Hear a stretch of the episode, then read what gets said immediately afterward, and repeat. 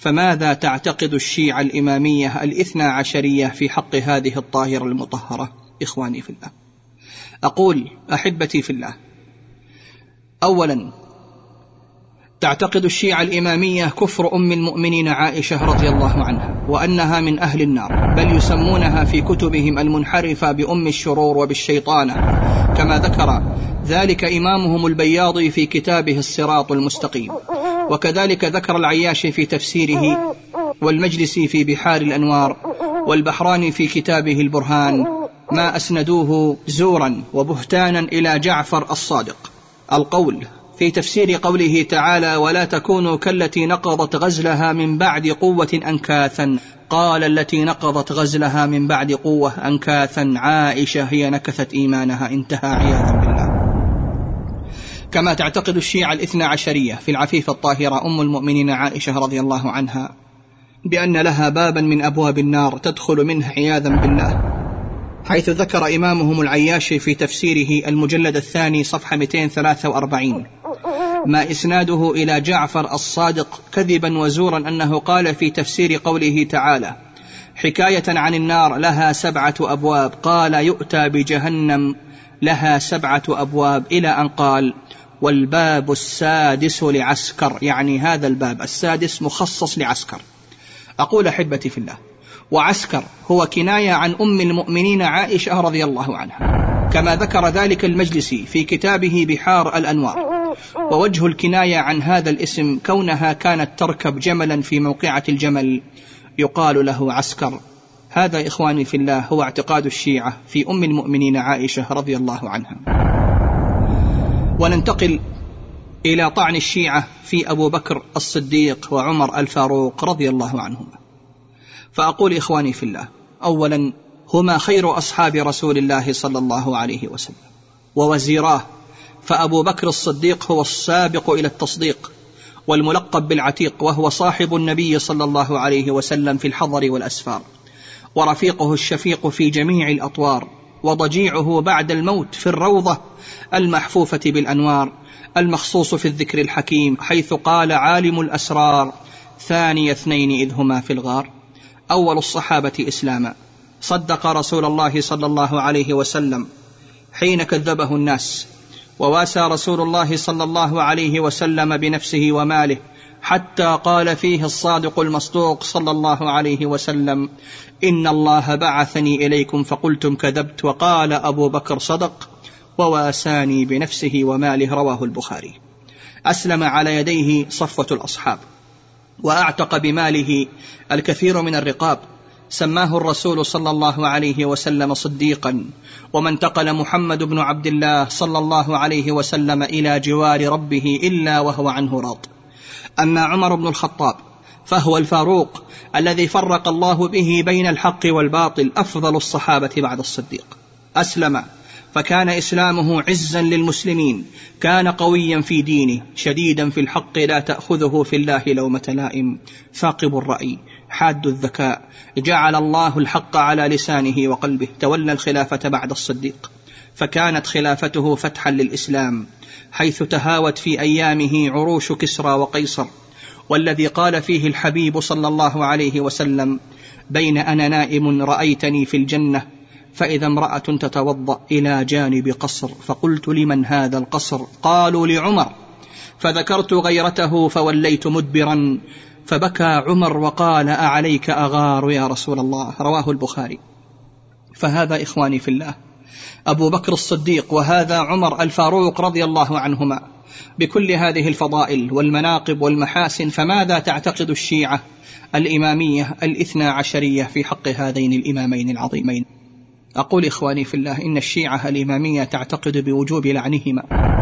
وقد افترت الشيعة الإثنى عشرية أدعية كثيرة في شتم وسب ولعن الشيخين أبو بكر الصديق وعمر بن الخطاب رضي الله عنهما. ونثروها في كتبهم ومن هذه الأدعية التي تروجها الشيعة ما يسمى بدعاء صنمي قريش والذي يلعنون فيه أبو بكر الصديق وعمر بن الخطاب وابنتيهما أمهات المؤمنين عائشة بنت أبي بكر وحفصة بنت عمر رضي الله عنهم أجمعين. وسأستعرض لك أخي في الله دعاء صنمي قريش عند الإمامية الاثنى عشرية كاملا. ونصه موجود في كتاب بحار الأنوار للمجلسي. المجلد 85 صفحة 260 الرواية الخامسة باب رقم 33 جاء في هذا الدعاء ما نصه. واسمع أخي في الله.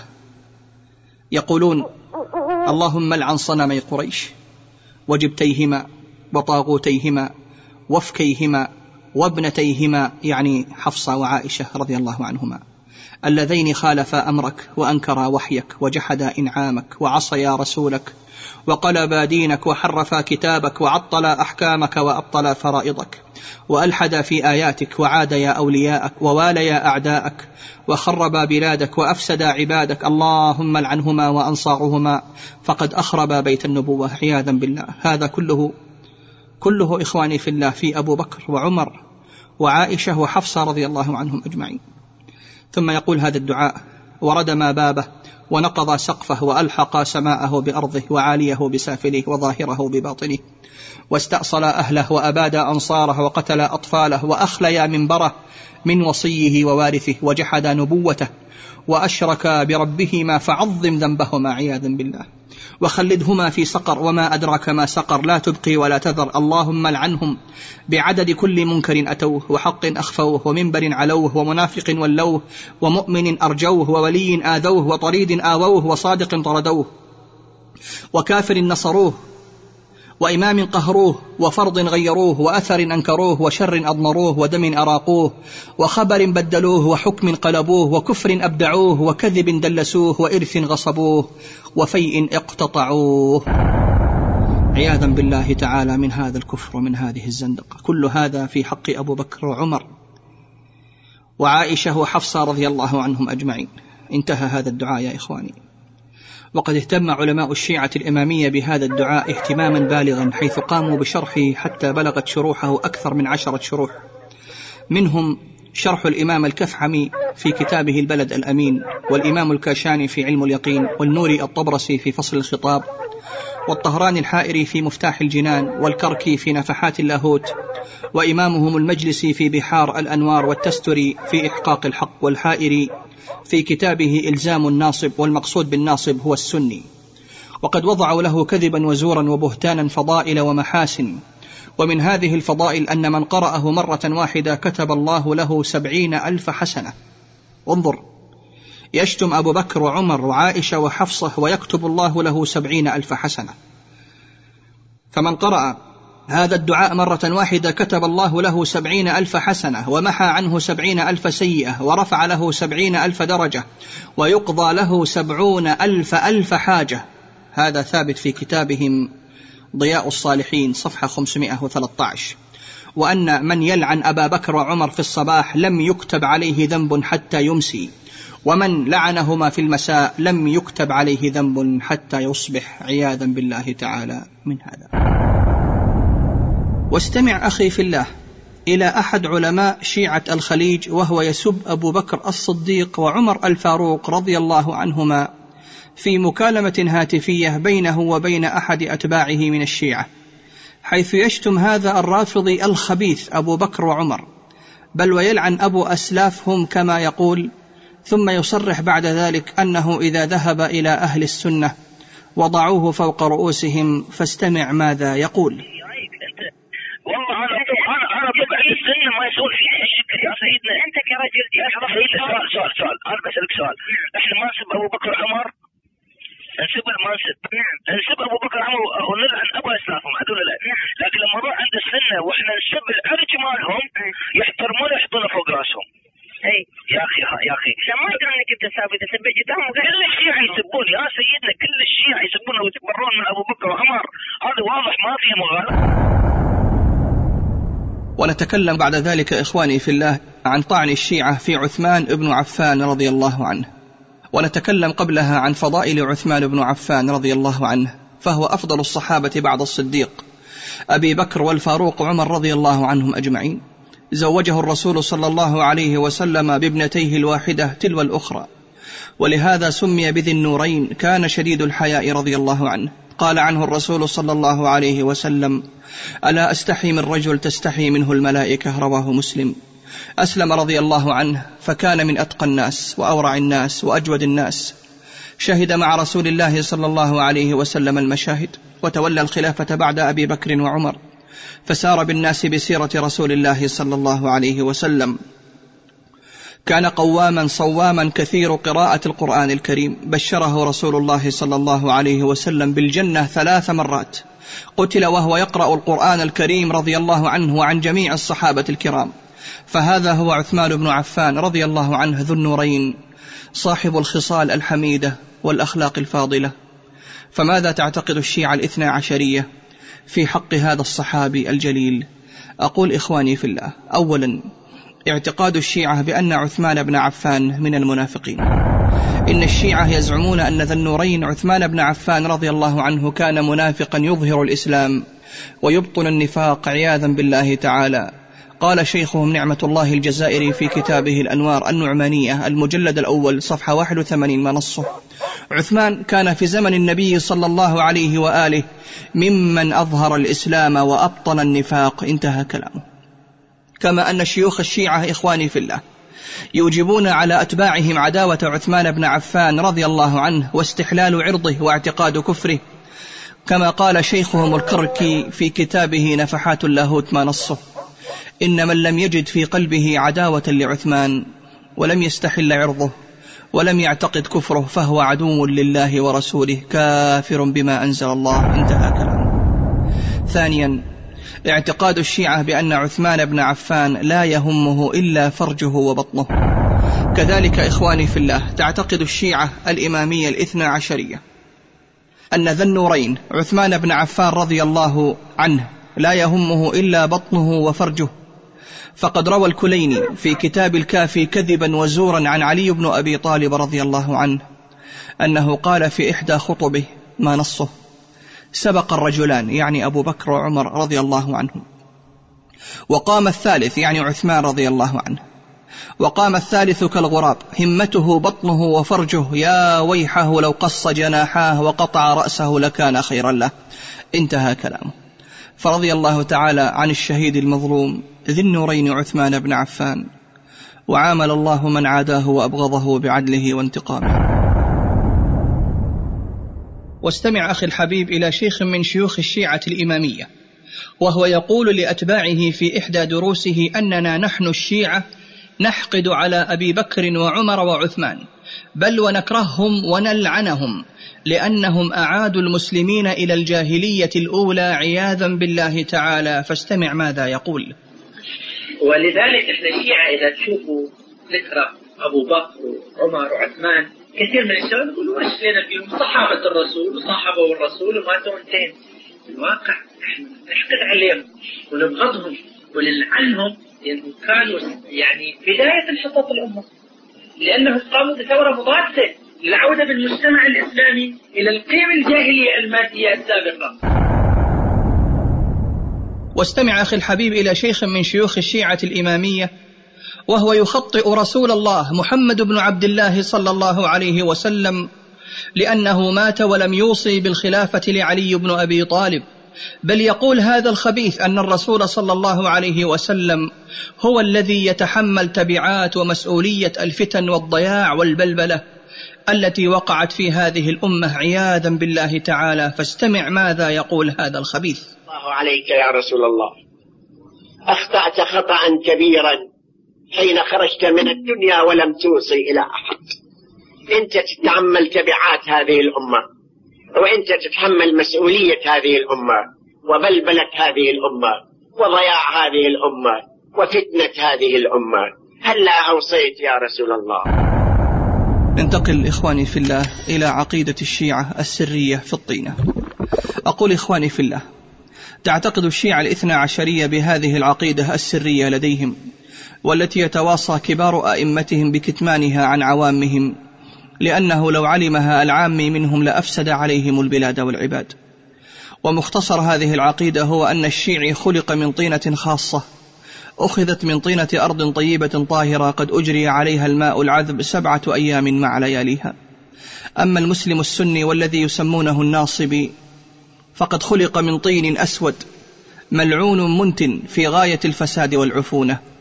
ثم تم الخلط بين الطينتين بوجه عام فما كان في الشيع من المعاصي والجرائم فهو من تأثره بطينة السني.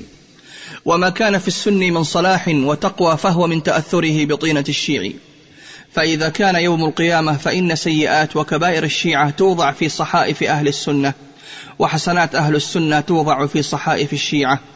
وقد ذكر هذه العقيدة الكثير من أئمتهم وشيوخهم كنعمة الله الجزائري في كتابه الأنوار النعمانية والمجلسي في كتابه بحار الأنوار.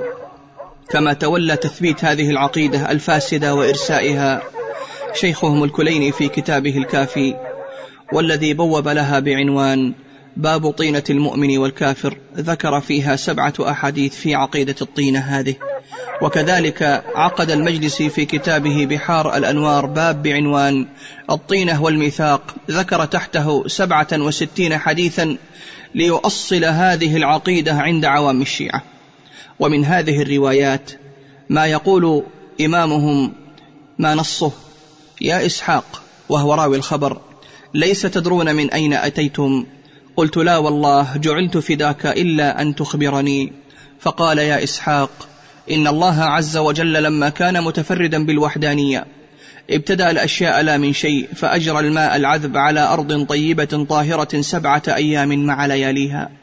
ثم نضم الماء عنها فقبض قبضة من صفاوة ذلك الطين وهي طينتنا أهل البيت. ثم قبض قبضه من أسفل ذلك الطين وهي طينة شيعتنا. ثم اصطفانا لنفسه. فلو أن طينة شيعتنا تركت كما تركت طينتنا لما زنى أحد منهم. ولا سرق ولا لاط ولا شرب المسكر ولا اكتسب شيئا مما ذكرت. ولكن الله عز وجل أجرى الماء المالح على أرض ملعونة سبعة أيام ولياليها ثم نضب الماء عنها.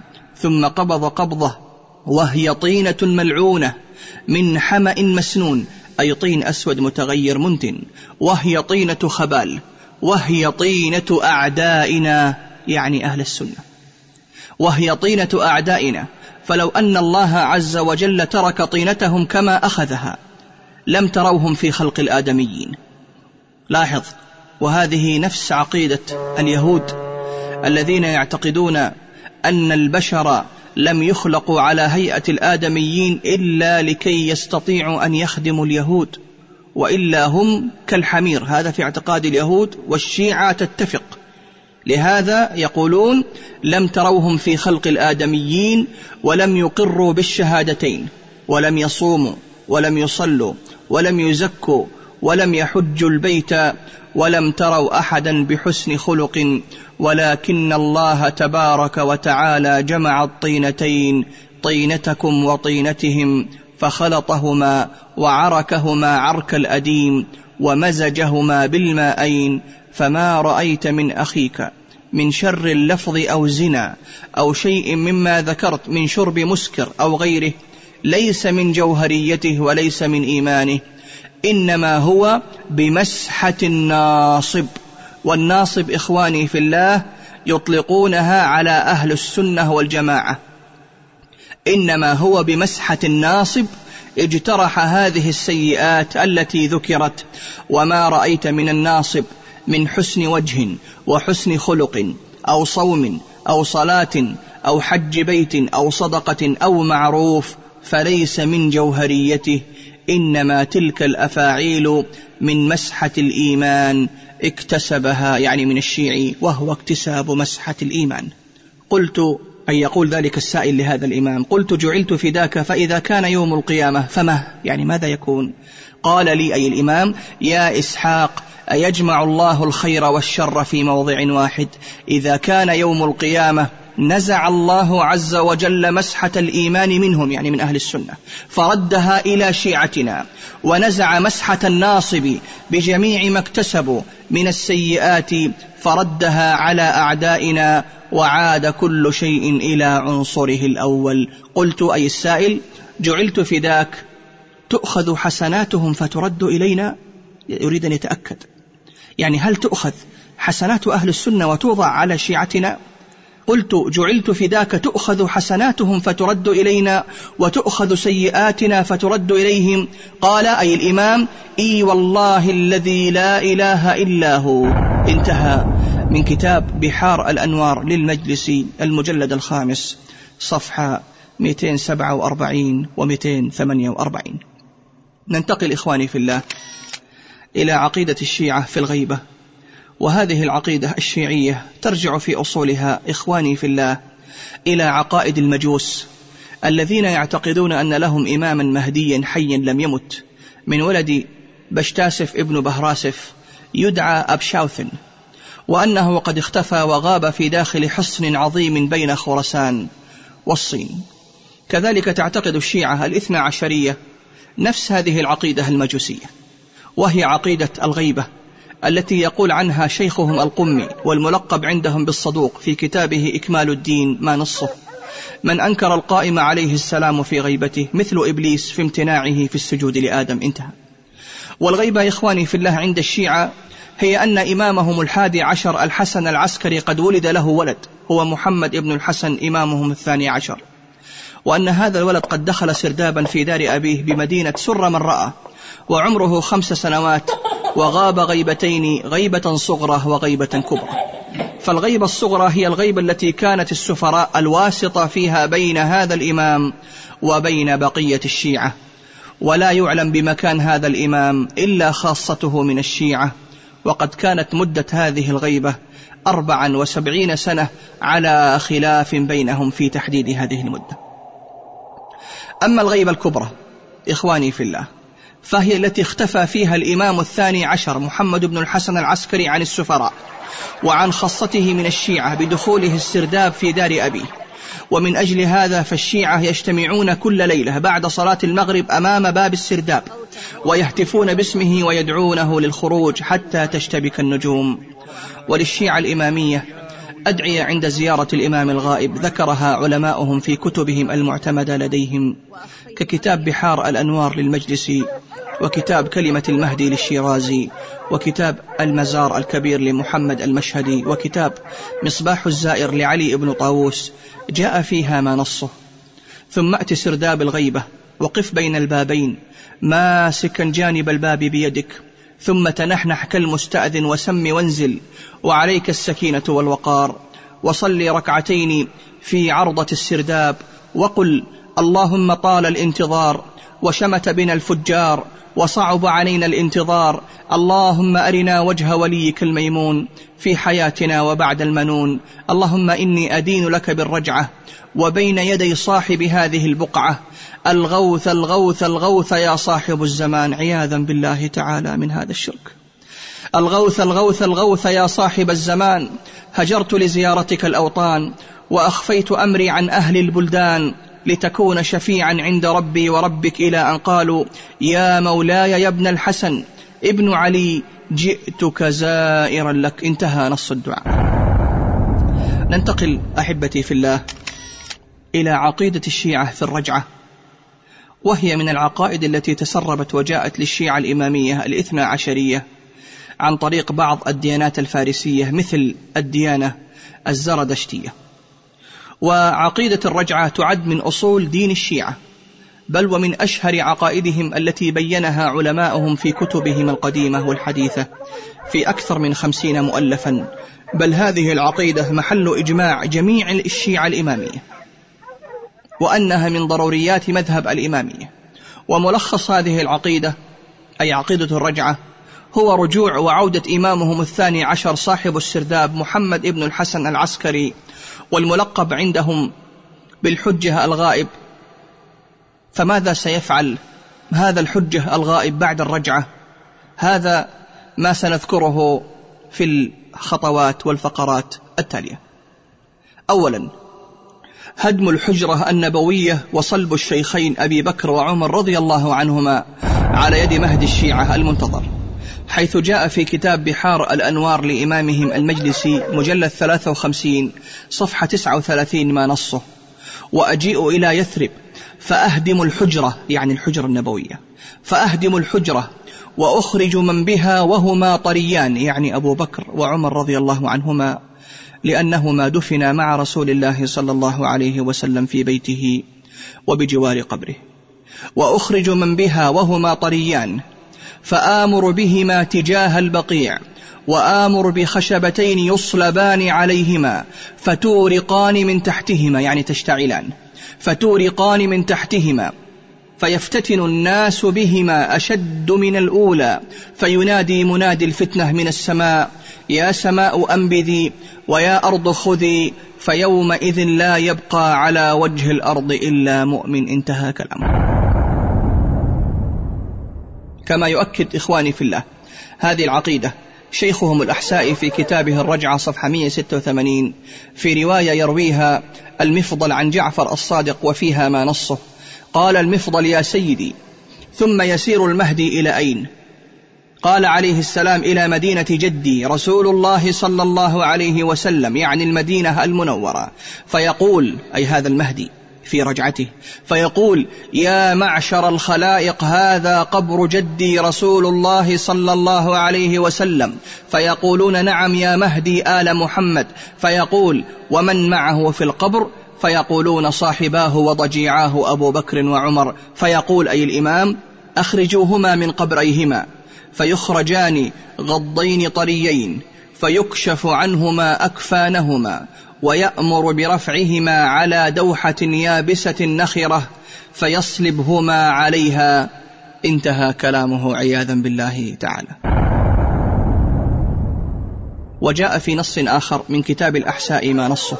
وهذا القائم هو الذي يشفي قلوب شيعتك من الظالمين والجاحدين والكافرين فيخرج اللات والعزى يعني أبو بكر الصديق وعمر بن الخطاب رضي الله عنهما. فيخرج اللات والعزى طريين فيحرقهما انتهى كلام ثانيا مهد الشيعة يقيم الحد على أم المؤمنين عائشة رضي الله عنها.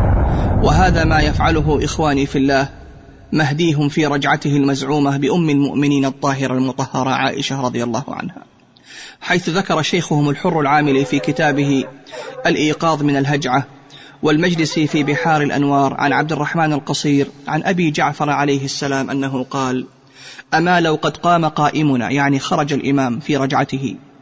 أما لو قد قام قائمنا لقد ردت إليه الحميراء والحميراء إخواني في الله تصغير الحمراء وهي الطاهرة عائشة أم المؤمنين وقد كان الرسول صلى الله عليه وسلم يناديها بهذا الاسم لشدة بياضها وجمالها رضي الله عنها. أما لو قد قام قائمنا لقد ردت إليه الحميراء حتى يجلدها الحد انتهى كلامه عياذا بالله.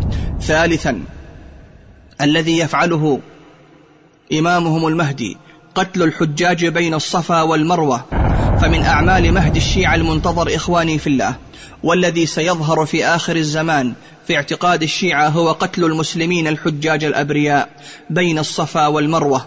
فقد روى إمامهم المجلسي في بحار الأنوار مجلد 53 صفحة 40 ما نصه كأني بحمران بن أعين وميسر بن عبد العزيز يخبطان الناس بأسيافهما بين الصفا والمروة. انتهى.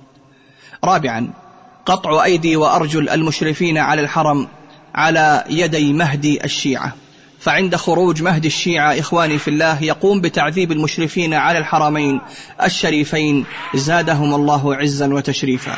وكل هذا الحقد الدفين لأنهم يقومون بخدمة حجاج بيت الله الحرام وينظمون مسيرة الحج ويهيئون المشاعر المقدسة لاستقبال زوار بيت الله تعالى الذي أسأل الله عز وجل أن يوفق ولاة أمورنا في هذه البلاد لكل ما يحبه الله ويرضاه وأن يجعلهم ممن يخدمون حجاج بيت الله عز وجل. إنه على كل شيء قدير. فقد روى شيخهم النعماني في كتابه الغيبة ما نصه. كيف بكم لو قد قطعت أيديكم وأرجلكم وعلقت في الكعبة ثم يقال لكم نادوا نحن سراق الكعبة؟ انتهى كلامه كما روى شيخهم المفيد في كتابه الإرشاد والطوسي في كتابه الغيبة ما نصه إذا قام المهدي هدم المسجد الحرام إلى أن قال وقطع أيدي بني شيبة وعلقها بالكعبة وكتب عليها هؤلاء سراق الكعبة. انتهى كلامه وجاء في نص ثالث لهم أنه يجرد السيف أي أن هذا الإمام الذي يخرج في الرجعة أنه يجرد السيف على عاتقه ثمانية أشهر يقتل هرجا فأول ما يبدأ ببني شيبة فيقطع أيديهم ويعلقها في الكعبة وينادي مناديه هؤلاء سراق الله ثم يتناول قريش فلا يأخذ منها إلا السيف ولا يعطيها إلا السيف. انتهى كلامه من كتاب الغيبة.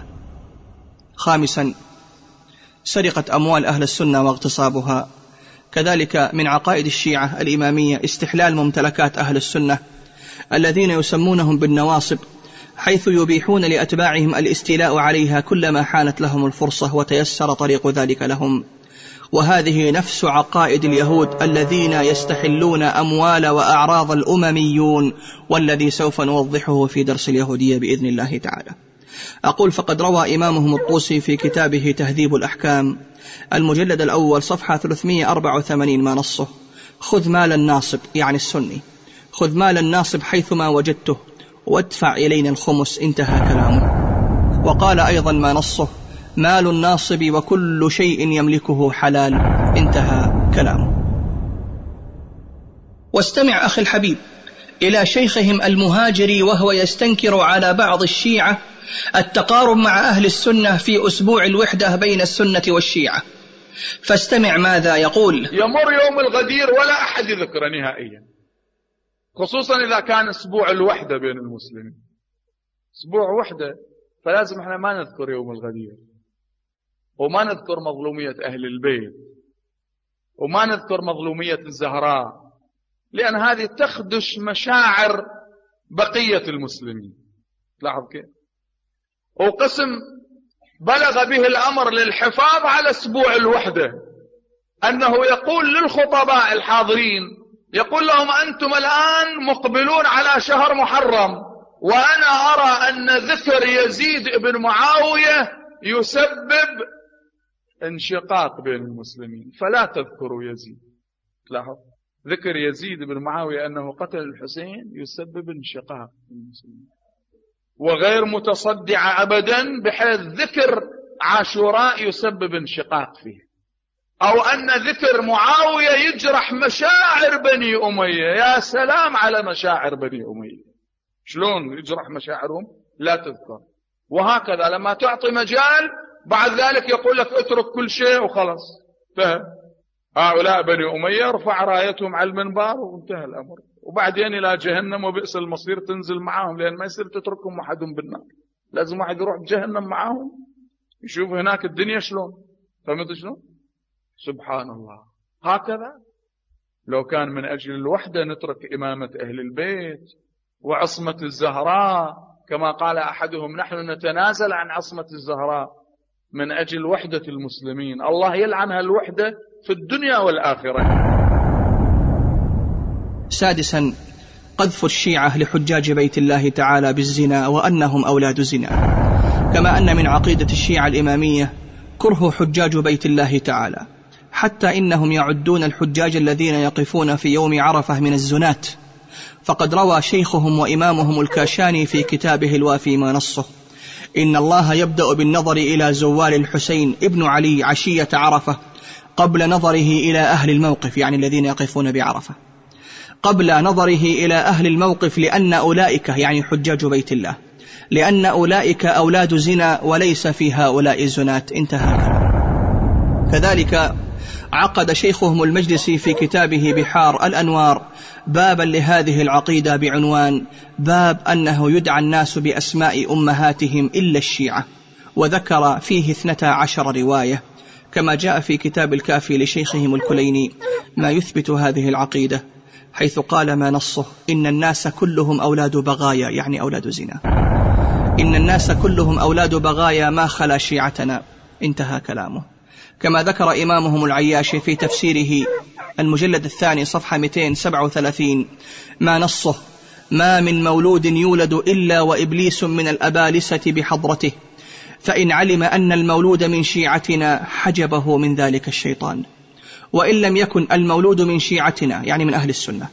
وإن لم يكن المولود من شيعتنا أثبت الشيطان إصبعه في دبر الغلام فكان مأبونا ومعنى المأبون إخواني في الله أي المزني فيه عياذا بالله تعالى.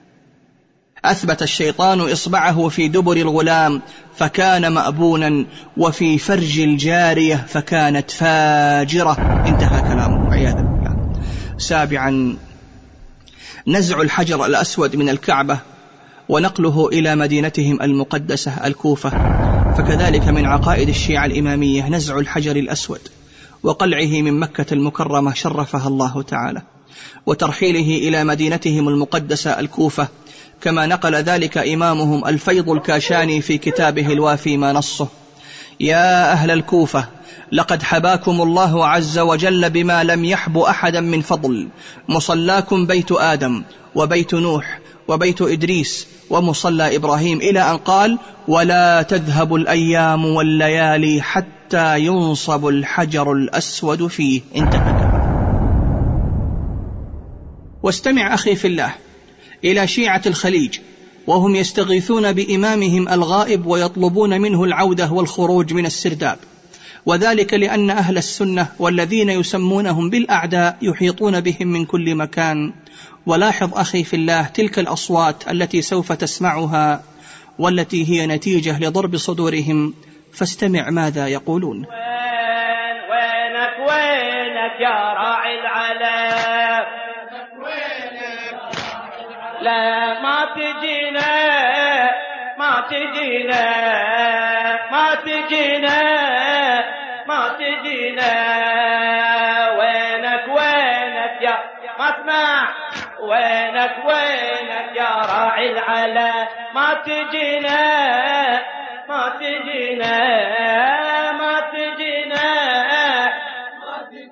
ما تجي وتشوف حالي بعد عينك انظرب وانت حمل يمشي فكم بالغصب تحيط بالاعداء تحيط بالاعداء بالضرب والرعب. وامشي بالذله بعد ما انسلب. شوف نسوتكم شوف نسوتكم على ذيك الهزل. حايرة بأطفال ما فيهم رجل. غير والينا غير والينا علي بن الحسين وحسينا غير والينا غير والينا علي بن الحسين. حجة الله غير والينا. ننتقل إخواني في الله إلى عقيدة الشيعة الإمامية في التقية. فهي من أهم عقائد الشيعة الإمامية بل هي ركن من أركان الدين عندهم. والتقية إخواني في الله عند الشيعة كما يعرفها الخميني في كتابه كشف الأسرار هي أن يقول الإنسان قولا مغايرا للواقع. أو يأتي بعمل مناقض لموازين الشريعة وذلك حفاظا لدمه أو عرضه أو ماله. انتهى كلامه. أما عن مكانة هذه العقيدة في دين الشيعة الإمامية فهي عندهم ليست رخصة من الرخص بل هي ركن من أركان دينهم. كالصلاة أو أعظم. قال شيخهم ابن بابويه ما نصه اعتقادنا في التقية أنها واجبة من تركها بمنزلة من ترك الصلاة. انتهى كلامه. كما عقد إمامهم الكليني في كتابه الكافي بابا خاصا لهذه العقيدة بعنوان باب التقية. ذكر فيها ثلاثا وعشرون حديثا تؤيد هذه العقيدة. ثم ألحق بابا بعد هذا الباب أي بعد باب التقية بعنوان باب الكتمان. وذكر فيه ستة عشر حديثا كلها تأمر الشيعة الإمامية بكتمان دينهم وعقيدتهم. وكذلك ذكر شيخهم المجلسي في كتابه بحار الأنوار مئة وتسع روايات. تقرر هذه العقيدة تحت باب عقده بعنوان باب التقية والمدارة. ومن أمثلة عقيدة التقية مع أهل السنة ما رواه شيخهم الصدوق عن أبي عبد الله أنه قال ما منكم أحد يصلي صلاة فريضة في وقتها ثم يصلي معهم يعني يصلي مع أهل السنة. ثم يصلي معهم صلاة تقية وهو متوضئ إلا كتب الله له بها خمسا وعشرين درجة. فارغبوا في ذلك انتهى كلامه. كما أن الشيعة الاثنى عشرية يطلقون على ديار أهل السنة بدار التقية ويرون وجوب التقية فيها كما جاء في كتاب بحار الأنوار للمجلسي مجلد رقم 75 صفحة 411 ما نصه. والتقية في دار التقية واجب انتهى. وكذلك يطلقون على ديار أهل السنة بدولة الباطل كما ذكر المجلس ما نصه من كان يؤمن بالله واليوم الآخر فلا يتكلم في دولة الباطل إلا بالتقية. انتهى كلامه. من كتابه بحار الأنوار مجلد 75 صفحة 412 كما تعتقد الشيعة الإمامية إخواني في الله بوجوب مخالطة أهل السنة بعقيدة التقية حيث أكد شيخهم الحر العاملي في كتابه وسائل الشيعة المجلد الحادي عشر صفحة 479 هذه العقيدة تحت باب بعنوان وجوب عشرة العامة يعني أهل السنة والعامة هم أهل السنة عند الشيعة. باب وجوب عشرة العامة بالتقية انتهى كلامه. وجاء في كتاب بحار الأنوار للمجلس ما نصه. من صلى خلف المنافقين والمنافقين هنا هم أهل السنة والجماعة. من صلى خلف المنافقين بتقية كان كمن صلى خلف الأئمة انتهى كلامه. آه نذكر الآن أمثلة لاستعمال الشيعة الإمامية لعقيدة التقية. ومن هذه الأمثلة ما ذكره بعض علماء السنة أن في قريتهم رجلا من أهل السنة تزوج بامرأة شيعية. وقد كانت تظهر محبتها للسنة وأهلها. ثم حملت هذه المرأة وأنجبت طفلا فأمر هذا العالم والد الطفل أن يسميه عمر. فذهب الزوج إلى زوجته وهي مريضة بسبب متاعب الحمل وقال لها إني أريد تسمية ابني. فقالت المرأة بمنتهى الأدب أنت أبو الولد والأمر إليك. فقال الوالد إنني سميته عمر. فيقول الزوج بعد ذلك يا عجب ما رأيت لقد نهضت المرأة بسرعة مذهلة. من فراشها وصاحت بصوت مرتفع قائلة لم تجد من الأسماء غير هذا الاسم. وذلك لأن الشيعة إخواني في الله يكرهون الصحابي الجليل عمر بن الخطاب رضي الله عنه. وكذلك من الدلائل المشاهدة والملموسة بين أهل السنة هو اختلاط الكثير من هؤلاء الشيعة الإمامية. ببعض أهل السنة لفترات طويلة تصل إلى عدة سنين بدون أن يظهر هذا الرافضي عقيدته الفاسدة. وكل هذا تحت عقيدة التقية التي يدينون بها. ننتقل إلى موضوع مهم وهو عقيدة الشيعة الاثنى عشرية في نكاح المتعة. فتعريف نكاح المتعة عند الشيعة الإمامية هو الزواج المؤقت والاتفاق السري بين الرجل والمرأة على ممارسة الجنس بينهما بشرط واحد فقط وهو أن لا تكون المرأة في عصمة رجل آخر. وحينئذ يجوز نكاحها بعد أداء صيغة الزواج بين الرجل والمرأة المتمتع بها حيث لا يحتاج الأمر فيه إلى شهود ولا إلى إعلان بل ولا حتى إلى إذن وليهم. قال شيخهم الطوسي في النهاية ما نصه. يجوز أن يتمتع بها من غير إذن أبيها وبلا شهود ولا إعلان انتهى كلام وأما عن صيغة هذا الزواج إخواني في الله الذي تباح فيه فروج النساء عياذا بالله عند الشيعة الإمامية الاثنى عشرية فهي كلمات يقولها الرجل أمام المرأة المتمتع بها عند الخلوة بها. فقد روى شيخهم الكليني في الفروع من كتابه الكافي المجلد الخامس صفحة 455 أن جعفر الصادق سئل كيف أقول لها إذا خلوت بها؟ يعني إذا خلا بهذه المرأة التي يريد أن يتمتع بها. كيف أقول لها إذا خلوت بها؟ قال تقول أتزوجك متعة على كتاب الله وسنة نبيه لا وارثة ولا موروثة كذا وكذا يوم وإن شئت كذا وكذا سنة بكذا وكذا درهما وتسمي من الأجر ما تراضيتما عليه قليلا كان أم كثيرا. انتهى كلامه. ننتقل إلى فضل نكاح المتعة ومكانته عند الشيعة الإمامية. أقول إخواني في الله إن الشيعة الإمامية الاثنى عشرية قد وضعوا أحاديث وروايات ترغب وتدعو إلى نكاح المتعة حتى جعلوا ممارسة هذه الفاحشة واستحلال فروج النساء سرا من أعظم القربات والطاعات التي يتقرب بها الشيعة إلى الله تعالى. فزعموا أن الله عز وجل يغفر للمتمتع بعد فراغه من هذه الجريمة وقيامه من على هذه الفاحشة بقدر الماء الذي مر على رأسه عند اغتساله. فقد روى إمامهم المجلسي في كتابه بحار الأنوار مجلد رقم 100 صفحة 306 ما نصه. عن صالح بن عقبة عن أبيه عن أبي جعفر عليه السلام قال قلت للمتمتع ثواب. هذا السائل يسأل. قلت للمتمتع ثواب. قال أي الإمام إن كان يريد بذلك وجه الله تعالى وخلافا على من أنكرها. يعني على أهل السنة. لم يكلمها. يقصد هنا المرأة التي يرتكب معها هذه الفاحشة وهذه الجريمة التي تقدم وتعرض باسم الإسلام والدين. لم يكلمها كلمة إلا كتب الله له بها حسنة ولم يمد يده إليها أي إلى المرأة المتمتع بها. إلا كتب الله له حسنة. فإذا دنا منها غفر الله له بذلك ذنبا. فإذا اغتسل أي بعد أن انتهى من هذه الجريمة والعياذ بالله فإذا اغتسل غفر الله له بقدر ما صب من الماء على شعره.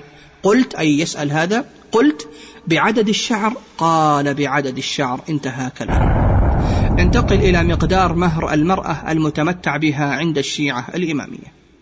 أقول إخواني في الله فإن الشيعة قد يسروا لنسائهم ورجالهم هذه الفاحشة فيجزئ فيه مقدار درهم واحد فقط أو حتى كف من طعام أو دقيق أو تمر. فقد روى شيخهم الكليني في الفروع من كتابه الكافي ما نصه. عن أبي جعفر أنه سئل عن متعة النساء قال حلال وإنه يجزئ فيه درهم فما فوقه. انتهى كلامه. بل وصل ثمن جسد المرأة عند الشيعة الإمامية إلى أقل من ذلك. وذلك ببركة وتشجيع شيوخهم وأئمتهم حيث جعلوا لهم ممارسة المتعة بالنساء لا تساوي سوى كف من دقيق أو سويق تمر. يدفعها الشيعي لتلك الشيعية ليستحل بعد ذلك فرجها عياذا بالله تعالى. فقد روى شيخهم الكليني في الفروع من الكافي ما نصه. عن أبي بصير قال سألت أبا عبد الله عليه السلام عن أدنى مهر المتعة ما هو؟ قال كف من طعام دقيق أو سويق تمر. انتهى كلامه. وقد ذكرت مجلة الشراع الشيعية في عددها رقم 684 للسنة الرابعة أن رئيس دولة إيران رفسنجاني أشار إلى وجود ربع مليون لقيط يعني أكثر من 250 ألف طفل لقيط في إيران بسبب زواج المتعة وهدد هذا الرئيس بمنع وتعطيل هذا النكاح بسبب المشاكل التي خلفها كما ذكرت الكاتبة شهلة الحائري في كتابها المتعة في إيران. حينما وصفت مدينة مشهد الشيعية الإيرانية والتي شاع فيها زواج المتعة وانتشر بأنها المدينة الأكثر انحلالا على الصعيد الأخلاقي في آسيا. انتهى كلامه. ويقول الإمام حسين الموسوي رحمه الله تعالى الذي تحول إلى مذهب أهل السنة بعد أن كان من أقرب تلاميذ الإمام الخميني في كتابه لله ثم للتاريخ صفحة 44 ما نصه. وكم من متمتع جمع بين المرأة وأمها وبين المرأة وأختها وبين المرأة وعمتها أو خالتها وهو يدري.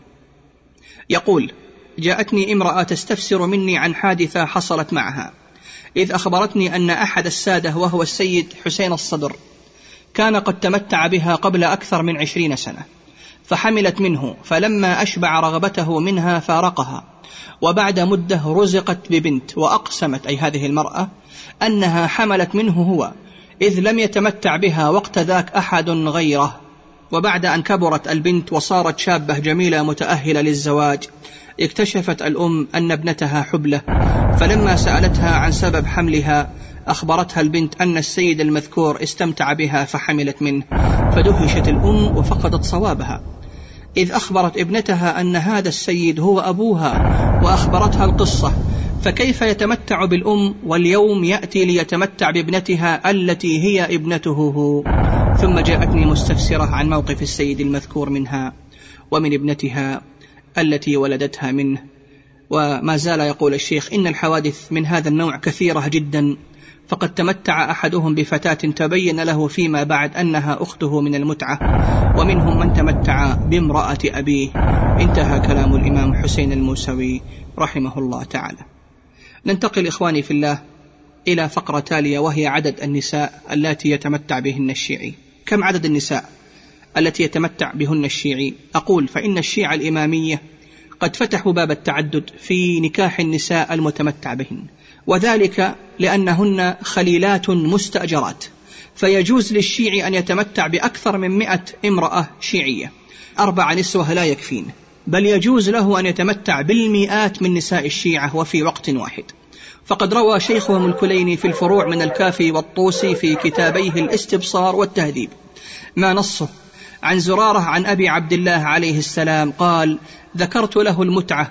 أهي من الأربع؟ يعني هل هن من الأربع الحرائر. فقال أي قال ذلك الإمام تزوج منهن ألفا فإنهن مستأجرات. انتهى كلامه. وروى شيخهم الطوسي في كتابه الاستبصار ما نصه. إن أبا جعفر قال المتعة ليست من الأربع يعني ليست من النساء الحرائر الأربع الزوجات الحرائر. لأنها لا تطلق ولا تورث ولا ترث وإنما هي مستأجرة. انتهى كلامه. وكذلك إخواني في الله تعتقد الشيعة الإمامية بأن المرأة المتمتع بها هي بمنزلة الجارية والأمة التي لا كرامة لها ولا حرية بل هي بمثابة اللعبة التي تقضي أوقاتها بين أحضان الرجال. واحدا بعد الآخر. فقد روى إمامهم القمي في كتابه من لا يحضره الفقيه ما نصه عن محمد بن علي بن الحسين عن الفضيل بن يسار أنه سأل أبا عبد الله عليه السلام عن المتعة فقال هي كبعض إمائك يعني جواريك انتهى كلامه ننتقل إلى موضوع مهم في نكاح المتعة وهو أمر يعني يشد الأنفس وذلك هو التمتع بالعذارى والأبكار عند الشيعة الإمامية. فإن الشيعة إخواني في الله وأنا أقول بعضهم لم يسلم من شذوذهم الجنسي حتى العذارى والأبكار. فقد أجازوا التمتع بهن بدون أخذ الموافقة من وليها بشرط أن لا يحاول فض بكارتها. فقد روى إمامهم الكليني في الفروع من الكافي المجلد الثاني صفحة 46 ما نصه. عن زياد ابن أبي الحلال قال سمعت أبا عبد الله عليه السلام يقول لا بأس أن يتمتع بالبكر ما لم يفض إليها كراهية العيب على أهلها. انتهى كلامه. يعني لا يفض بكرتها. والرواية القادمة تؤكد هذا وتبين. أقول وكذلك جاء في الفروع من الكافي ما نصه. عن محمد بن أبي حمزة عن بعض أصحابه عن أبي عبد الله عليه السلام في البكر يتزوجها الرجل متعة. قال أي قال هذا الإمام لا بأس ما لم يفتضها انتهى كلامه. ننتقل إخواني في الله إلى التمتع بالصبية الصغيرة عند الشيعة الإمامية الاثنى عشرية حيث أجاز شيوخ الشيعة التمتع بالطفلة الصغيرة. فقد روى إمامهم الطوسي في كتاب الاستبصار والكليني في الفروع من الكافي ما نصه. سئل عن الجارية يتمتع بها الرجل قال نعم إلا أن تكون صبية تخدع. قال قلت أصلحك الله فكم حد الذي إذا بلغت ولم تخدع؟ قال بنت عشر سنين. انتهى كلامه. ننتقل إخواني في الله إلى هذه القصة التي يقشعر منها جلد الموحدين حيث روى العلامة حسين الموسوي رحمة الله عليه وهو من أقرب تلاميذ الإمام الخميني في كتابه لله ثم للتاريخ والذي قتل رحمه الله تعالى بعد تأليفه لهذا الكتاب ما نصه. يقول هذا الإمام لما كان الإمام الخميني مقيما في العراق كنا نتردد إليه ونطلب منه العلم حتى صارت علاقتنا معه وثيقة جدا. وقد اتفق مرة أن وجهت إليه دعوة فطلبني للسفر معه فسافرت معه فاستقبلونا وأكرمونا غاية الكرم. ولما انتهت مدة السفر ورجعنا وفي طريق عودتنا ومرورنا في بغداد أراد الإمام أن نرتاح من عناء السفر فأمر بالتوجه إلى منطقة العطيفية. حيث يسكن هناك رجل إيراني الأصل يقال له سيد صاحب. كان بينه وبين الإمام معرفة قوية. فرح سيد صاحب بمجيئنا وكان وصولنا إليه عند الظهر فصنع لنا غداء فاخر. واتصل ببعض أقاربه فحضروا. وازدحم منزله احتفاء بنا وطلب سيد صاحب إلينا المبيت عنده تلك الليلة. فوافق الإمام ثم لما كان العشاء أتونا بالعشاء. وكان الحاضرون يقبلون يد الإمام ويسألونه ويجيب عن أسئلتهم. ولما حان وقت النوم وكان الحاضرون قد انصرفوا إلا أهل الدار أبصر الإمام الخميني صبية بعمر أربع سنوات أو خمس ولكنها جميلة جدا فطلب الإمام من أبيها سيد صاحب إحضارها للتمتع بها. فوافق أبوها بفرح بالغ فبات الإمام الخميني والصبية في حضنه ونحن نسمع بكاءها وصريخها. إلى أن قال الشيخ المهم أنه أمضى تلك الليلة أي الخميني. فلما أصبح الصباح وجلسنا لتناول الإفطار نظر إلي يعني نظر الإمام الخميني إلى حسين الموسوي. نظر إلي فوجد علامات الإنكار واضحة في وجهي. إذ كيف يتمتع بهذه الطفلة الصغيرة وفي الدار شابات بالغات راشدات كان بإمكانه التمتع بإحداهن فلم يفعل؟ فقال لي يعني الخميني سيد حسين ما تقول في التمتع بالطفلة؟ فقلت له سيد القول قولك والصواب فعلك وأنت إمام مجتهد ولا يمكن لمثلي أن يرى أو يقول إلا ما تراه أنت أو تقوله. ومعلوم أني لا يمكنني الاعتراض وقت ذاك. فقال يعني الخميني سيد حسين إن التمتع بها جائز ولكن بالمداعبة والتقبيل والتفخيذ. أما الجماع فإنها لا تقوى عليه. انتهى كلام العلامة حسين الموسوي رحمه الله من كتاب لله. ثم للتاريخ. ننتقل إخواني في الله إلى التمتع بالمرأة في دبرها عياذا بالله عند الشيعة الإمامية الإثنى عشرية. فإن الشيعة الإمامية الإثنى عشرية يعتقدون بجواز إتيان النساء في أدبارهن بل يرونه حقا من حقوق الزوج الشيعي كما روى ذلك شيخ الملكلين في الفروع من الكافي والطوسي في الاستبصار ما نصه عن الرضا أنه سأله صفوان بن يحيى أن رجلا من مواليك أمرني أن أسألك. قال أي الإمام وما هي؟ قلت الرجل يأتي امرأته في دبرها. قال ذلك له؟ قال قلت له فأنت تفعل؟ قال إنا لا نفعل ذلك انتهى كلامه. كما أباح هذه الجريمة شيخ من شيوخهم في هذا العصر وهو المدعو الخميني حيث قال في كتابه تحرير الوسيلة المجلد الثاني صفحة 241 ما نصه والأقوى والأظهر جواز وطئ الزوجة مع الدبر. انتهى كلامه. ننتقل إلى أعياد الشيعة الإمامية الاثنى عشرية فإن للشيعة الإمامية إخواني في الله العديد من الأعياد والمناسبات التي يحتفلون بها. وينتظرونها بكل لهف وشوق ومن هذه الأعياد والمناسبات ما يأتي. عيد غدير خم وهو عندهم في اليوم الثامن عشر من شهر ذي الحجة ويفضلونه على عيدي الفطر والأضحى ويسمونه بالعيد الأكبر وهم يصومون يومه. عيد النيروز وهو من أعياد الفرس المجوس ومعناه اليوم الجديد وقد كان الفرس تعتقد أنه اليوم الذي خلق الله فيه النور. وبعضهم يزعم أنه أول الزمان الذي ابتدأ الفلك فيه بالدوران.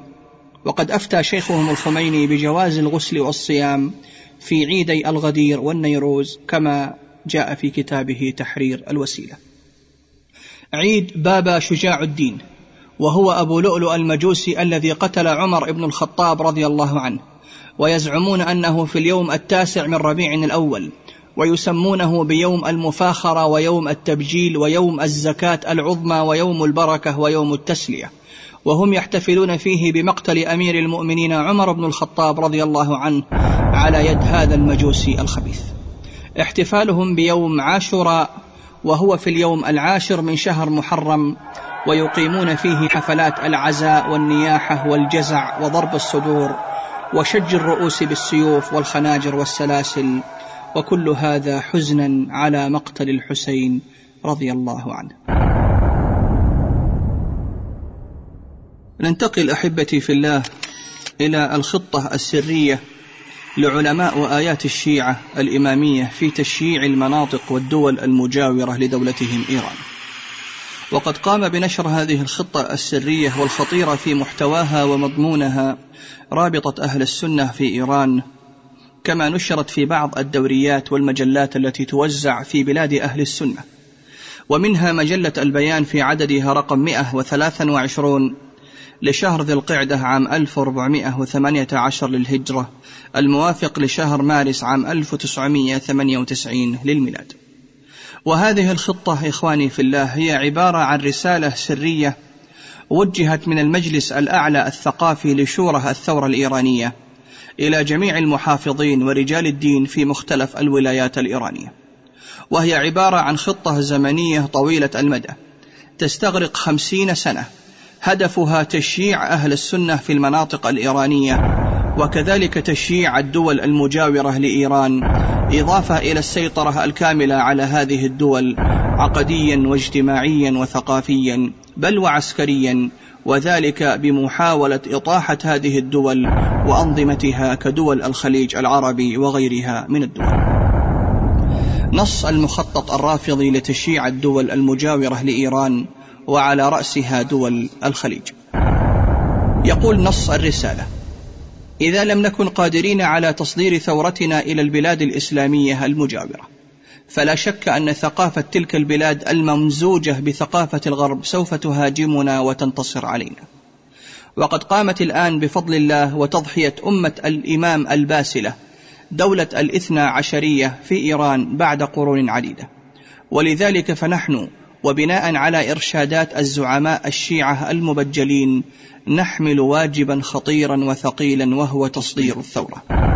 ولهذا فإننا خلال ثلاث جلسات وبآراء شبه إجماعية من المشاركين وأعضاء اللجان. وضعنا خطة خمسينية تشمل خمس مراحل ومدة كل مرحلة عشر سنوات. لنقوم بتصدير الثورة الإسلامية إلى جميع الدول المجاورة ونوحد الإسلام أولا. أقول إخواني في الله أي لا يكون الممثل الوحيد للإسلام على وجه الأرض إلا العقيدة الرافضية الإثنى عشرية. التي تكفر أصحاب رسول الله صلى الله عليه وسلم وتلعنهم وتتقرب إلى الله تعالى ببغضهم. ثم تقول الخطة أيضا لأن الخطر الذي يواجهنا من الحكام الوهابيين وذوي الأصول السنية أكبر بكثير من الخطر الذي يواجهنا من الشرق والغرب.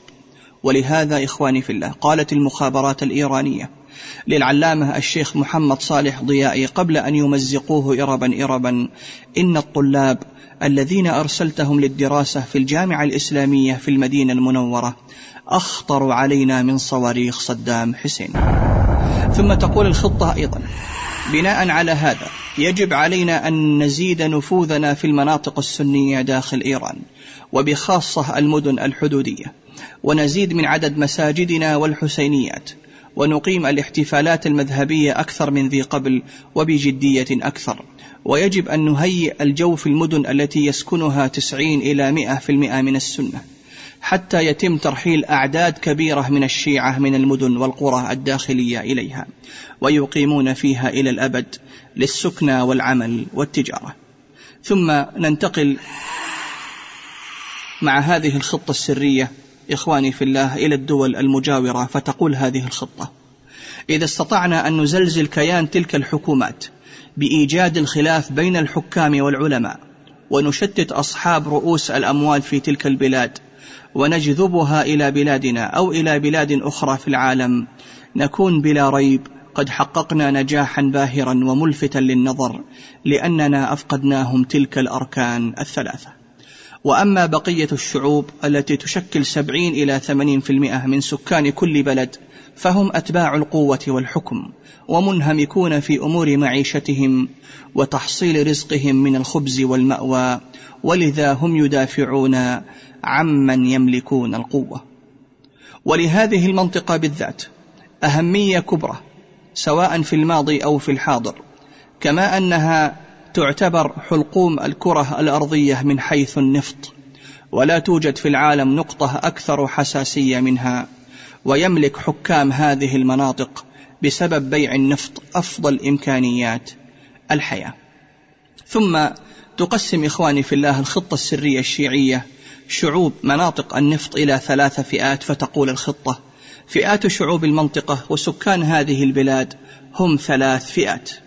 الفئة الأولى هم البدو وأهل الصحراء الذين يعود وجودهم في هذه البلاد إلى مئات السنين. الفئة الثانية هم الذين هاجروا من الجزر والموانئ التي تعتبر من أرضنا اليوم وبدأت هجرتهم منذ عهد الشاه إسماعيل الصفوي. والفئة الثالثة هم من الدول العربية الأخرى ومن مدن إيران الداخلية. أما التجار وشركات الاستيراد والتصدير والبناء فيسيطر عليها في الغالب غير المواطنين الأصليين ويعيش السكان الداخليون من هذه البلاد على إيجار البنايات وبيع الأراضي وشرائها. وأما أقرباء ذوي النفوذ فهم يعيشون على الرواتب العائدة من بيع النفط. وقد قام كثير منهم بشراء الشقق وأسهم المصانع وإيداع رؤوس الأموال في أوروبا وأمريكا وخاصة في اليابان وإنجلترا والسويد وسويسرا خوفا من الخراب المستقبلي لبلادهم. إن سيطرتنا على هذه الدول تعني السيطرة على نصف العالم. أسلوب تنفيذ الخطة المعدة. ولإجراء هذه الخطة الخمسينية يجب علينا بادئ ذي بدء أن نحسن علاقتنا مع دول الجوار. ويجب أن يكون هناك احترام متبادل وعلاقة وثيقة وصداقة بيننا وبينهم. وفي حال وجود علاقات ثقافية وسياسية واقتصادية بيننا وبينهم فسوف يهاجر بلا ريب عدد من الإيرانيين إلى هذه الدول. ويمكننا من خلالهم إرسال عدد من العملاء كمهاجرين ظاهرا ويكونون في الحقيقة من العاملين في النظام. وسوف تحدد وظائفهم حين الخدمة والإرسال. أقول إخواني في الله قد تكون هذه العلاقات الثقافية بتبادل العلوم والتعاون العلمي من خلال الجامعات في دولة إيران وجامعات الدول المجاورة لها. إضافة إلى فتح المجال للمفكرين والمثقفين والطلاب الشيعة في جامعات إيران لبث سمومهم وعقائدهم الضالة من خلال الأطروحات والزيارات العلمية التي تلقى في جامعات أهل السنة المستهدفة في هذه الخطة. وكل ذلك تحت ستار التعاون الثقافي المتبادل أو تحت شعار تبادل التراث الإسلامي بين أبناء المنطقة الواحدة. وقد تكون هذه العلاقات السياسية إخواني في الله بتبادل الخبرات في المجال العسكري تحت ستار المصالح المشتركة أو استتباب الأمن في المنطقة. وعلى إثر ذلك يكون تبادل الخبراء العسكريين من الطرفين. فيأتي الخبراء الإيرانيون على أنهم مستشارون في هذه القطاعات العسكرية الحساسة عند أهل السنة ومن خلاله تتسرب المعلومات المهمة والحساسة عن وضع الجيوش المسلمة من حيث قوتها وعتادها وغير ذلك من الأمور الخطيرة. وقد تكون هذه العلاقات الاقتصادية التي جاءت في الخطة عن طريق التبادل التجاري الواسع على جميع المستويات حيث احتمال قيام شركات كبيرة وضخمة ذات رؤوس أموال مشتركة شيعية سنية إضافة إلى الزيارات الرسمية التجارية المتبادلة والتي قد يتم تنسيقها عن طريق وزارة التجارة الإيرانية ونظيراتها في الدول المجاورة. ثم تقول الخطة أيضا إخواني في الله ما نصه. مراحل مهمة في طريقنا، أول ليس لدينا مشكلة في ترويج المذهب في أفغانستان وباكستان وتركيا والعراق والبحرين. وسنجعل هذه الخطة العشرية الثانية هي الأولى في هذه الدول الخمس. وعلى ذلك فمن واجب مهاجرين أي العملاء المكلفين في بقية الدول ثلاثة أشياء اولا شراء الأراضي والبيوت والشقق وإيجاد العمل ومتطلبات الحياة لأبناء مذهبهم ليعيشوا في تلك البيوت ويزدادوا تعدادا للسكان أقول إخواني في الله وهذا تماما نفس مخطط اليهود وهو الذي يفعلونه تماما في أرض الجهاد وأرض الشهداء وأرض الأنبياء فلسطين حيث توسعوا في بناء المستوطنات اليهودية حول القدس الشريف وما زالوا في التوسع وعندها تصبح هذه الأراضي ملكا شرعيا لهم فيصعب إخراجهم منها بعد ذلك. ثانيا العلاقة والصداقة مع أصحاب رؤوس الأموال في السوق والموظفين الإداريين خاصة الرؤوس الكبار والمشاهير والأفراد الذين يتمتعون بنفوذ وافر في الدوائر الحكومية. ثالثا هناك في بعض هذه الدول قرى متفرقة في طور البناء وهناك خطط لبناء عشرات القرى والنواحي والمدن الصغيرة الأخرى فيجب أن يشتري هؤلاء المهاجرون العملاء الذين أرسلناهم أكبر عدد ممكن من البيوت في تلك القرى ويبيعوا في مراكز المدن وبهذه الخطة تكون المدن ذات الكثافة السكانية قد أخرجت من أيديهم. كما توصي الخطة السرية أبنائهم الشيعة المتواجدون في الدول المجاورة بقولها. يجب حث الناس أي الشيعة على احترام القانون وطاعة منفذ القانون وموظف الدولة والحصول على تراخيص رسمية للاحتفالات المذهبية وبناء المساجد والحسينيات لأن هذه التراخيص الرسمية سوف تطرح مستقبلا على اعتبار أنها وثائق رسمية. ولإيجاد الأعمال الحرة يجب أن نفكر في الأماكن ذات الكثافة السكانية العالية. لنجعلها موضع المناقشة في المواقع الحساسة. ويجب على الأفراد في هاتين المرحلتين أن يسعوا للحصول على جنسية البلاد التي يقيمون فيها باستغلال الأصدقاء وتقديم الهدايا الثمينة. أقول إخواني في الله قد يكون هؤلاء الأصدقاء هم من في المناصب الحساسة والمهمة في الدول المجاورة من وزراء ورؤساء القطاعات العسكرية والتعليمية والاقتصادية وغيرها من الأماكن المهمة.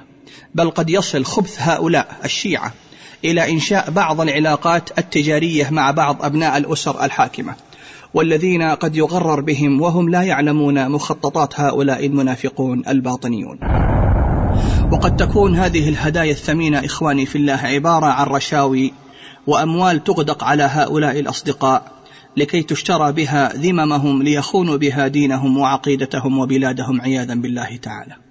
كما قد تكون هذه الهدايا الثمينة عبارة عن نساء مجندات فارسيات يجدن اللغة العربية ويتصفن بذكاء حاد وقوة للشخصية إضافة إلى جمال منتقى بمنتهى الخبث والدهاء. ليكون مصيده لوقوع الفريسة المراد احتواؤها من الأصدقاء المغفلين عن طريق العلاقات السرية الداعرة والمشبوهة تحت ستار نكاح المتعة.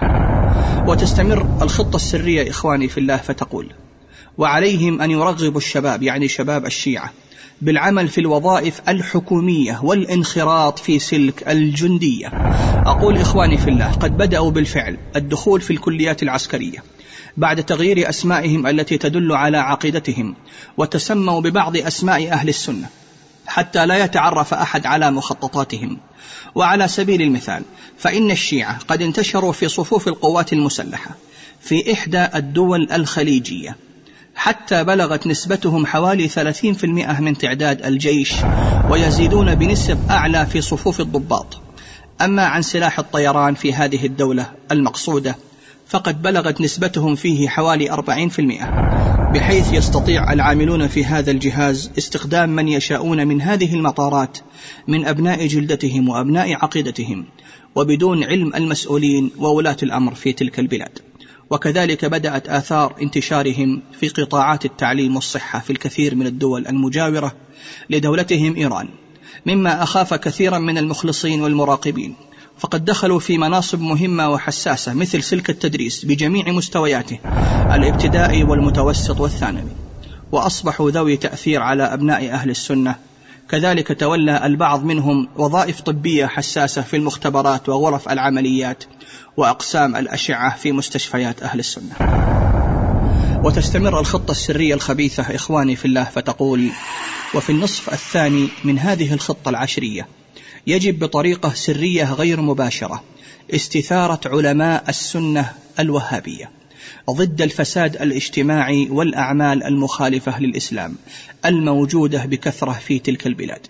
وذلك عبر توزيع منشورات انتقادية باسم بعض السلطات الدينية والشخصيات المذهبية من البلاد الأخرى. ولا ريب أن هذا سيكون سببا في إثارة أعداد كبيرة من تلك الشعوب. وفي النهاية إما أن يلقوا القبض على تلك الديانات الدينية أو الشخصيات المذهبية أو أنهم سيكذبون كل ما نشر بأسمائهم وسوف يدافع المتدينون يعني المطاوعة. وسوف يدافع المتدينون عن تلك المنشورات بشدة بالغة وستقع أعمال مريبة وستؤدي إلى إيقاف عدد من المسؤولين السابقين أو تبديلهم. وهذه الأعمال ستكون سببا في سوء ظن الحكام بجميع المتدينين في بلادهم وهم لذلك سوف لن يعملوا على نشر الدين وبناء المساجد والأماكن الدينية. وسوف يعتبرون كل الخطابات الدينية والاحتفالات المذهبية اعمالا مناهضة لنظامهم. وفضلا عن هذا سينمو الحقد والنفرة بين العلماء والحكام في تلك البلاد.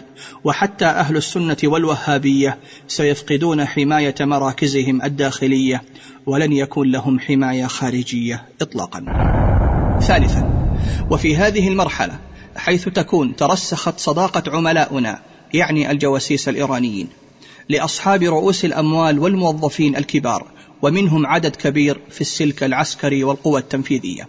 وهم يعملون بكل هدوء ودأب ولا يتدخلون في الأنشطة الدينية.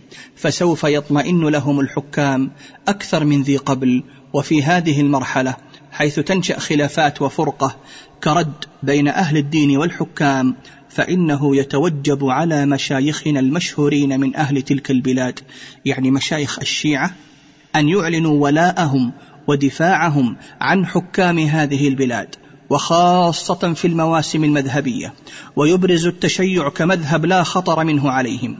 وإذا أمكنهم أن يعلنوا ذلك للناس عبر وسائل الإعلام فعليهم ألا يترددوا ليلفتوا نظر الحكام ويحوزوا على رضاهم فيقلدوهم الوظائف الحكومية دون خوف منهم أو وجل. وفي هذه المرحلة ومع حدوث تحولات في الموانئ والجزر والمدن الأخرى في بلادنا إضافة إلى الأرصدة البنكية التي سوف نستحدثها. سيكون هناك مخططات لضرب الاقتصاد في دول الجوار. ولا شك في أن أصحاب رؤوس الأموال وفي سبيل الربح والأمن والثبات الاقتصادي سوف يرسلون جميع أرصدتهم إلى بلادنا. رابعا وفي المرحلة الرابعة سيكون قد تهيأ أمامنا دول بين علمائها وحكامها مشاحنات والتجار فيها على وشك الإفلاس والفرار والناس مضطربون ومستعدون لبيع ممتلكاتهم بنصف قيمتها ليتمكنوا من السفر إلى أي أماكن آمنة. وفي وسط هذه المعمعة فإن عملاءنا ومهاجرينا سيعتبرون وحدهم حماة السلطة والحكم. وإذا عمل هؤلاء العملاء بيقظة فسيمكنهم أن يتبوأوا كبر الوظائف المدنية والعسكرية ويضيق المسافة بينهم وبين المؤسسات الحاكمة والحكام. ومن مواقع كهذه يمكننا بسهولة بالغة أن نشي بالمخلصين لدى الحكام على أنهم خونة. وهذا سيؤدي إلى توقيفهم أو طردهم واستبدالهم بعناصرنا ولهذا العمل ذاته ثمرتان إيجابيتان. الأولى إن عناصرنا سيكسبون ثقة الحكام أكثر من ذي قبل. الثانية إن سخط أهل السنة على الحكام أي على حكام أهل السنة سيزداد بسبب ازدياد قدرة الشيعة في الدوائر الحكومية. وسيقوم أهل السنة من جراء هذا بأعمال مناوئة أكثر ضد الحكام. وفي هذه الفترة يتوجب على أفرادنا أن يقفوا إلى جانب الحكام ويدعو الناس إلى الصلح والهدوء ويشتروا في الوقت نفسه بيوت الذين هم على وشك الفرار وأملاكهم. وتستمر الخطة السرية الخبيثة إخواني في الله فتقول وفي العشرية الخامسة فإن الجو سيكون قد أصبح مهيئا للثورة لأننا أخذنا منهم العناصر الثلاثة التي اشتملت على الأمن والهدوء والراحة والهيئة الحاكمة ستبدو كسفينة وسط الطوفان مشرفة على الغرق تقبل كل اقتراح للنجاة بأرواحها. وفي هذه الفترة سنقترح عبر شخصيات معتمدة ومشهورة تشكيل مجلس شعبي لتهدئة الأوضاع. وسنساعد الحكام يعني صوريا وسنساعد الحكام في المراقبة على الدوائر وضبط البلد. ولا ريب أنهم سيقبلون ذلك وسيحوز مرشحون وبأكثرية مطلقة على معظم كراسي المجلس. وهذا الأمر سوف يسبب فرار التجار والعلماء حتى الخدمة المخلصين. وبذلك سوف نستطيع تصدير ثورتنا الإسلامية إلى بلاد كثيرة دون حرب أو إراقة للدماء. وعلى فرض أن هذه الخطة لم تثمر في المرحلة العشرية الأخيرة فإنه يمكننا أن نقيم ثورة شعبية ونسلب السلطة من الحكام. وإذا كان في الظاهر أن عناصرنا الشيعة هم أهل تلك البلاد ومواطنوها وساكنوها لكننا نكون قد قمنا بأداء الواجب أمام الله والدين وأمام مذهبنا وليس من أهدافنا إيصال شخص معين إلى سدة الحكم فإن الهدف هو فقط تصدير الثورة. وعندئذ نستطيع رفع لواء هذا الدين الإلهي وأن نظهر قيامنا في جميع الدول وسنتقدم إلى عالم الكفر بقوة أكبر ونزين العالم بنور الإسلام والتشيع حتى ظهور المهدي الموعود. انتهى نص الرسالة. إخواني ننتقل أحبتي في الله الآن إلى الاغتيالات والجرائم والمجازر التي قام بها الشيعة في حق أهل السنة والجماعة. من العلماء والقضاة والملوك والأمراء والوزراء والعامة على مدار التاريخ. أقول إخواني في الله فلقد ذهب ضحية إجرام الشيعة على اختلاف طوائفهم عدد كبير من العلماء والأمراء والقضاة والوعاظ والملوك والخلفاء والوزراء حتى بلغ الأمر أنه إذا أظهر أي عالم أو فقيه أو واعظ مبادئ هؤلاء وأخذ يبين زيف عقائدهم الباطلة وأفكارهم المنحرفة. قاموا بتصفيته جسديا على أيدي رجال الجناح العسكري. ونذكر أمثلة على ذلك عبر التاريخ. منها ما يأتي.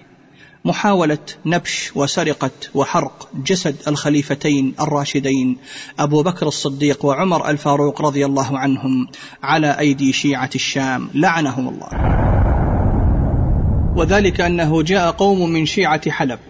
كما ذكر ذلك صاحب كتاب الدر الثمين واغروا أمير المدينة آنذاك بالأموال الجزيلة لكي يمكنهم من نقل جثمان أبو بكر الصديق وعمر الفاروق رضي الله عنهم ليحرقوهم فأجابهم الأمير لذلك لأن الشيعة في ذلك الوقت كان لهم نفوذ في الحجاز. فذهب الأمير إلى شيخ خدام المسجد النبوي الشريف واسمه شمس الدين صواب. وكان رجلا صالحا ومنفقا وقال له أي قال الأمير يا صواب يدق عليك الليلة أقوام باب المسجد فافتح لهم ومكنهم مما أرادوا. وكان شمس الدين صواب قد علم بما أرادوا فأصابه هم وغم واشتد بكاؤه وكاد يختل عقله. وبعد أن خرج الناس من المسجد بعد صلاة العشاء وأغلقت أبواب المسجد وإذا بالباب يدق. وهو باب السلام الذي كان يسمى بباب مروان ففتح لهم الباب وإذا بهم أربعون رجلا ومعهم المساحي والمعاول وآلات الهدم والحفر واتجهوا إلى الحجرة النبوية الشريفة. وقبيل أن يصلوا إلى المنبر انفتحت لهم الأرض وابتلعتهم بما معهم وذلك أمام عين شيخ خدام المسجد النبوي الشريف شمس الدين صواب. فكاد يطير من الفرح وزال عنه الهم والغم. فلما استبطأهم الأمير جاء يسأل عنهم شيخ الخدام فقال تعالى أريكهم. فأخذه بيده وأدخله المسجد وإذا بهم في حفرة من الأرض تنزل بهم وتنخسف شيئا فشيئا وهم يصيحون ويستغيثون. فارتاع الأمير وعاد وهدد شمس الدين بأنه إذا أعلم أي أحد بما وقع فسوف يقتله ويصلبه فأصبحوا وقد توارت الأرض. فوقهم. ننتقل إلى قتل الإمام آية الله أبو الفضل البرقعي فهو الإمام العالم المجاهد العلامة السيد أبو الفضل ابن الرضا البرقعي. تلقى علومه في الحوزة العلمية في قم بإيران ونال درجة الاجتهاد في المذهب الجعفري الاثنى عشري له مئات التصانيف والمؤلفات والبحوث والرسائل. هداه الله تعالى إلى الرجوع إلى الكتاب والسنة وألف عدة كتب يرد فيها على الشيعة الإمامية ومنها كتابه القيم النفيس كسر الصنم. وقد حاول رجال حرس الثورة الإيراني الشيعي باغتياله بالرصاص الحي في عقر داره وهكذا أثناء صلاته أطلقت عليه اعيره ناريه فأصابت منه الخد الأيسر لتخرج من الخد الأيمن مسببة له بعض الأذى في سمعه علما بأن عمر الشيخ رحمه الله تعالى تجاوز الثمانين من عمره.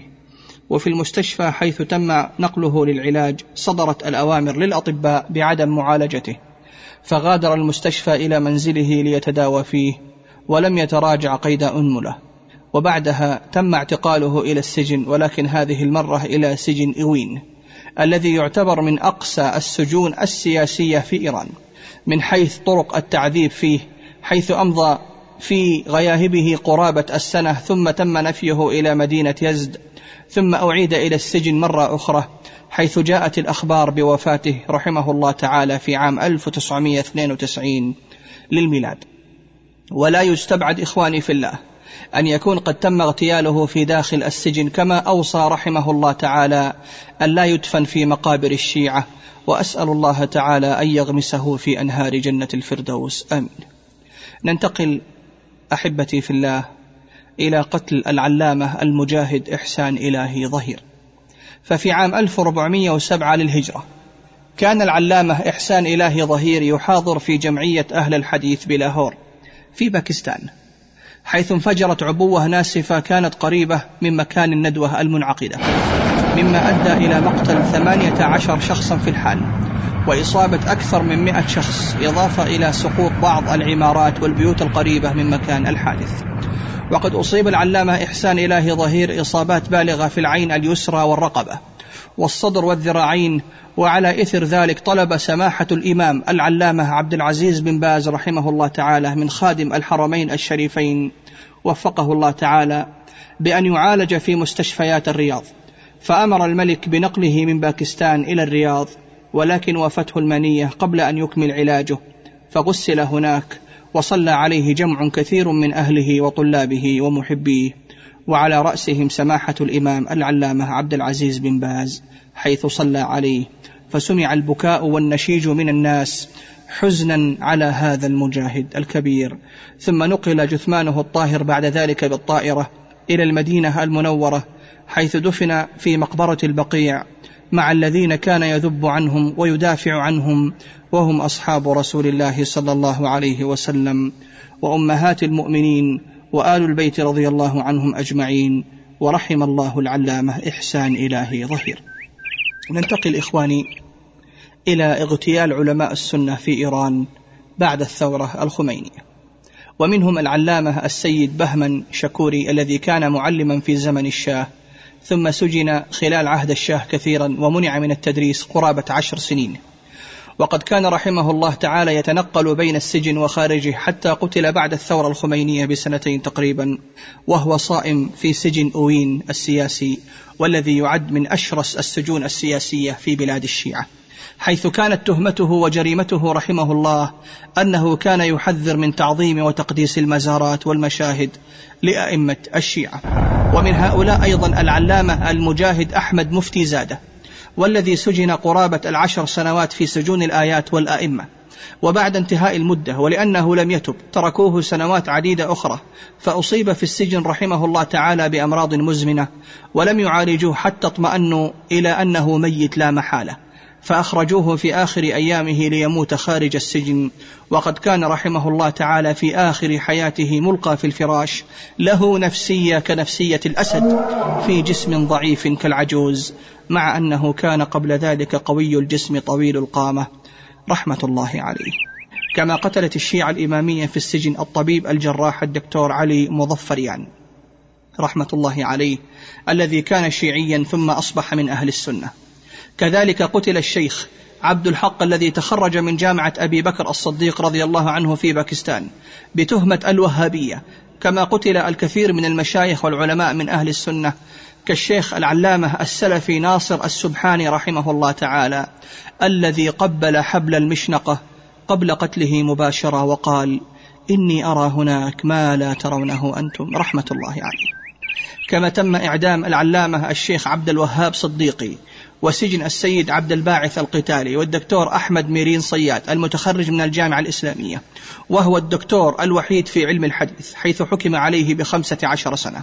وكذلك الشيخ حيدر علي قلم داران والذي كان يقيم في مدينة قم ويدرس ويفند آراء الشيعة وفي بداية الثورة ذهب أحد الآيات إلى بيت الشيخ حيدر واغتاله ويقال أنه ذبحه بالسكين فأغمي على الشيخ فهرب وظنه أنه مات وإذا بالسكين لم يقطع الشريان تماما وعاش بعد ذلك سنوات طويلة وكتب الشيخ ردودا عنيفة على الشيعة رحمه الله تعالى.